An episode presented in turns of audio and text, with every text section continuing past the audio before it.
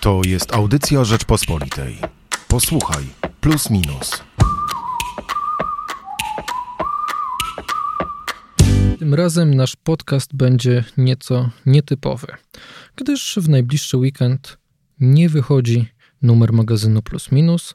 W sobotę mamy święto Wojska Polskiego i święto w niebo wstąpienia Najświętszej Marii Panny, ale to nie znaczy, że zostawimy e, Państwa bez e, polecenia ciekawych tekstów w plusie minusie. Michał Płociński i Hubert Celik. Tak się składa, że e, akurat 15 sierpnia, kiedy plus minus nie wychodzi, jest bardzo ważna, bo setna rocznica i znowu bardzo ważnej bitwy. Bitwy warszawskiej, cudu nad Wisłą. E, w związku z tym w plusie minusie, który mm, trafił do kiosków tydzień temu i teksty, z którego pojawiły się na portalu rp.pl, mamy cztery teksty, które chcielibyśmy Państwu mm, polecić. Przed rocznicą Cudu nad Wisłą od 1920 roku pisali u nas Borkowicz, Mierzwa, Chwalba i Ligarski. Borkowicz, czyli Jacek Borkowicz, nasz e, redakcyjny e, kolega, bardzo duży tekst na temat e, takiej głębi ówczesnej e, polityki, o pokoju 1920 roku, czy on był bardzo potrzebny, czy można było trochę e, tą wojnę przeciągnąć e, i uchronić naszych jedynych aktywnych sojuszników przed śmiertelnym ciosem Związku Radzieckiego. Ale oprócz tego teksty dwóch profesorów. Z jednej strony wywiad z profesorem Januszem Mierzwą, historykiem. Bardzo ciekawy wywiad, więc za, zaraz do niego przejdziemy. Fragment najnowszej książki profesora Andrzeja Chwalby. Książki pod znamiennym tytułem Przegrane zwycięstwo. Wojna polsko-bolszewicka 1820, która właśnie ukazała się mm, nakładem wydawnictwa Czarne. No i na koniec tekst Sebastiana Ligarskiego pod tytułem Cud nad pamięcią. O tym, jak pamięć o Bitwie Warszawskiej, choć mm, PRL-owskie służby próbowały ją wyplenić przez cały okres PRL-u, mm, przetrwała, a co więcej, była e, cały czas e, gorąca o ile tak można powiedzieć o e, pamięci.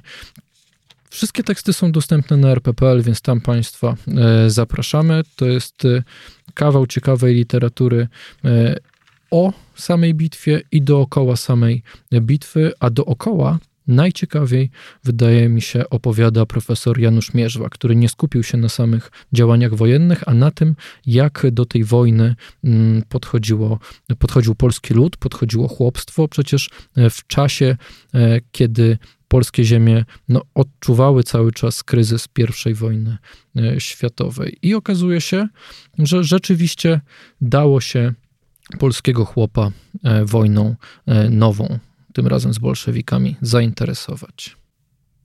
Myślę, że jest bardzo ważna i aktywna rola e, marszałka Józefa Piłsudskiego, który e, koniec końców e, doprowadził do stworzenia rządu, gdzie premierem był Wicenty Witos i jedną z ważnych funkcji pełnił Ignacy Daszyński, czyli połączył dwa środowiska chłopskie i socjalistyczne, e, które, do których odwoływali się bolszewicy na poziomie propagandy, co sprawiło, że e, ułatwiło, e, ułatwiło w pewien sposób mobilizację do armii ochotniczej chłopstwa i poparcie socjalistów, co było bardzo ważne taktycznie.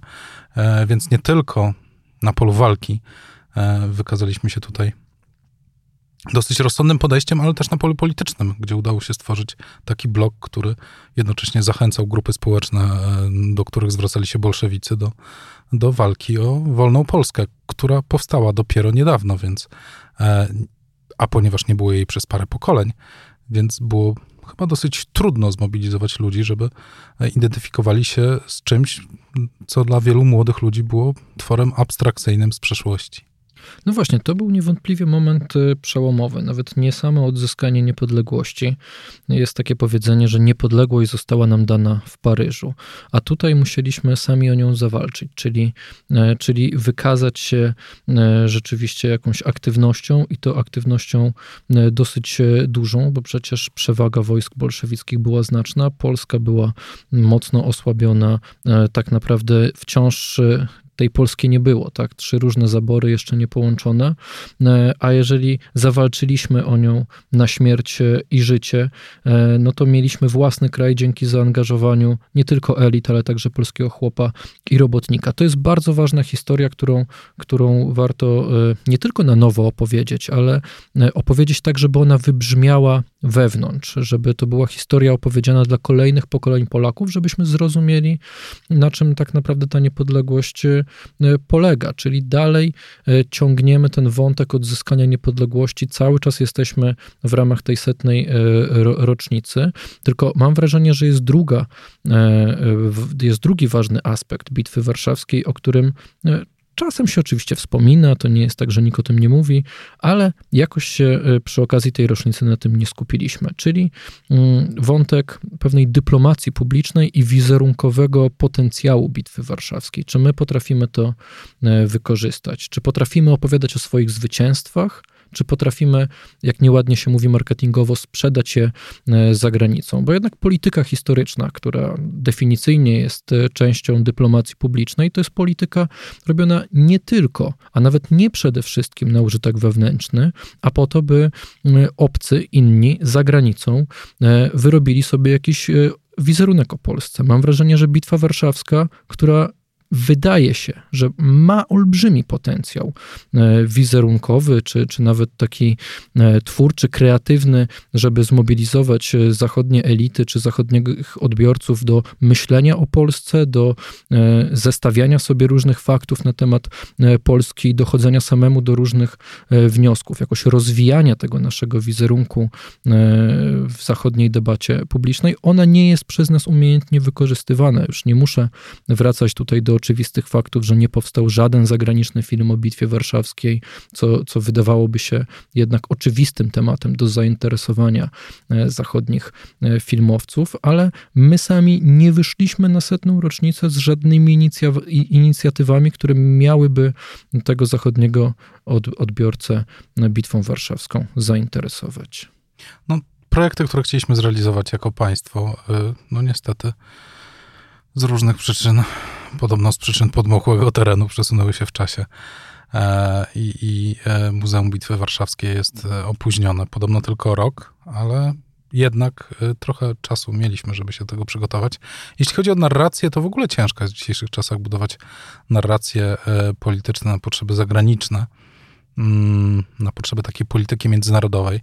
W przypadku Polski, y, gdzie no można mieć pewne uwagi co do tego, jak na tej arenie międzynarodowej rozgrywamy swoje atuty, e, gdyż trochę ta polityka wewnętrzna zdaje się e, przeważać nawet, e, nawet nad interesem, czy może nad dyplomacją międzynarodową, ma też znaczenie. To nie jest tak, że wiele zdarzeń z przeszłości państw, które nie miały statusu mocarstw, jest jakoś e, wykorzystanych na poziomie kultury, czyli na poziomie filmu. E, te ostatnie sukcesy filmowe opowiadają zwykle, są opowiadane zwykle przez mocarstwa, czyli na przykład Dunkierka Christophera Nolana, czy mm, mm, The Darkest Hour, czyli film o tym, jak Brytyjczycy mm, powstrzymali inwazję niemiecką. To są wysokobudżetowe filmy, z świetnej obsadzie zresztą, e, że można wspomnieć Gary Goldmana czy Toma Hardiego, e, które no, odnoszą się jednak do bardzo e, ważnych i mocnych wydarzeń w ogóle w historii Europy.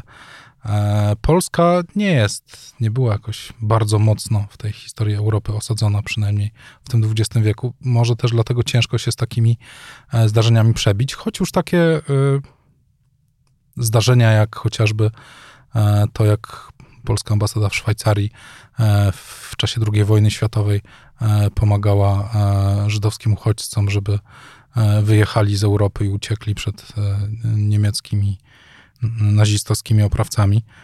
Jest świetnym materiałem na film i może, może tak się stanie. Bitwa warszawska też, tylko wydaje mi się, że nie jest doceniona jako zdarzenie przynajmniej z punktu widzenia tej narracji, którą my prezentujemy, czyli takiej narracji, od lat prezentujemy narracji, że w ten sposób powstrzymaliśmy e, bolszewizm przed zalaniem Europy, chyba nie jest w ten sposób doceniana. Mm, raczej takie filmowe elementy dotyczą chociażby udziału Brytyjczyków, a nawet jednego konkretnego Brytyjczyka w jednej z eskadr, które walczyły w, te, w tej wojnie. Zresztą mm, ojca późniejszego świetnego e, pisarza i tłumacza. E, to są historie też przez pryzmat, których można opowiedzieć. E, opowiedzieć e, Bitwę Warszawską. E, mówimy oczywiście o mm, Słomczyńskim, czyli Joe Aleksie, który pisał świetne kryminały w latach PRL-u, a był synem jednego z brytyjskich lotników, którzy walczyli o to, żeby Polska odzyskała niepodległość. Żeby Polska utrwaliła niepodległość, może tak.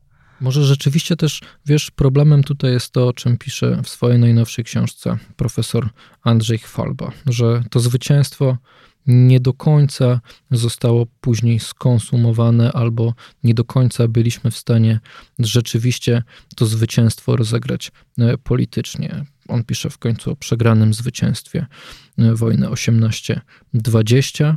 Zapraszamy Państwa w takim razie na rp.pl. E, tam wciąż e, można znaleźć na przykład pod zakładką plus minus te cztery teksty. Przypomnę Jacka Borkowicza, wywiad z profesorem Januszem Mierzwą, fragment książki profesora Chwalby i tekst Sebastiana Ligarskiego o cudzie nad pamięcią o cudzie nad Wisłą. Tak można by to powiedzieć. E, a my z i z podcastem Posłuchaj Plus Minus i z najnowszym e, magazynem Plusa Minusa, najbliższym tak naprawdę, wracamy w przyszłym tygodniu, a wtedy zaprosimy Państwa także do kiosków.